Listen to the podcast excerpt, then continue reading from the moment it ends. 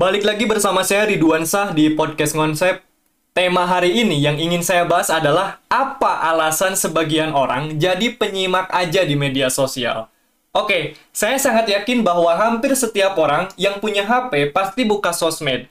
Entah itu orang yang sibuk, apalagi orang yang punya banyak waktu luang, pasti setiap hari suka buka sosmed. Perbedaan kedua tipe orang ini paling intensitas buka sosmednya. Jelas, yang banyak waktu luang cenderung lebih banyak buka sosmed. Tapi bukan berarti juga orang yang banyak waktu luang suka ngeksis. Ada juga yang kerjaannya cuma nyimak aja di sosmed.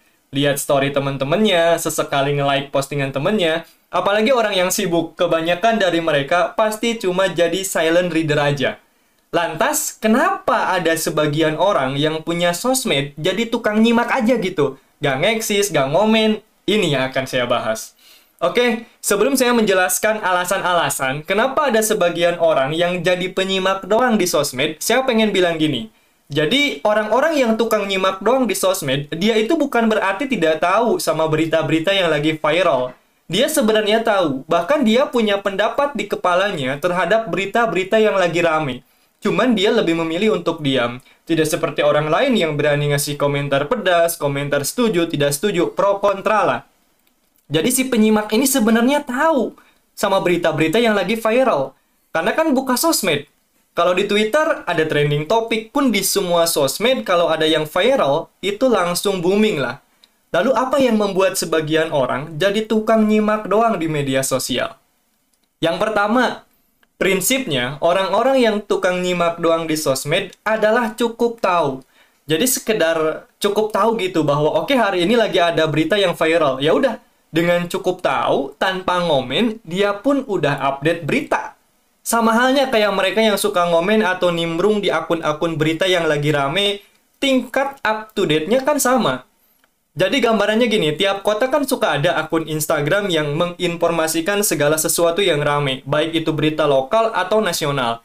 Di Garut ada info Garut, di Bandung ada akun info Bandung. Nah, si penyimak ini cuma ya udah oh di daerah A lagi ada kasus oh di daerah B lagi ada banjir dan lain-lain.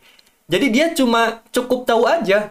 Tapi bukan berarti mereka diam itu nggak empati. Pasti kalau ngobrol gitu ada rasa kayak oh sedih ya banjir gempa turut berduka cita. Kayak gitulah paham lah maksud saya ya. Kedua mereka yang cuma jadi penyimak doang di sosmed itu karakternya memang nggak tertarik aja menyampaikan pendapat lewat komentar karena kalau berkomentar yang pro, pasti ada yang nyangut berkomentar kontra. Suka tiba-tiba ya ada yang ikut nimbrung gitu. Dan jadinya rame balas-balasan sampai nggak ada ujungnya. Itu yang saya perhatikan. Karena sifat sosmed kan gitu ya.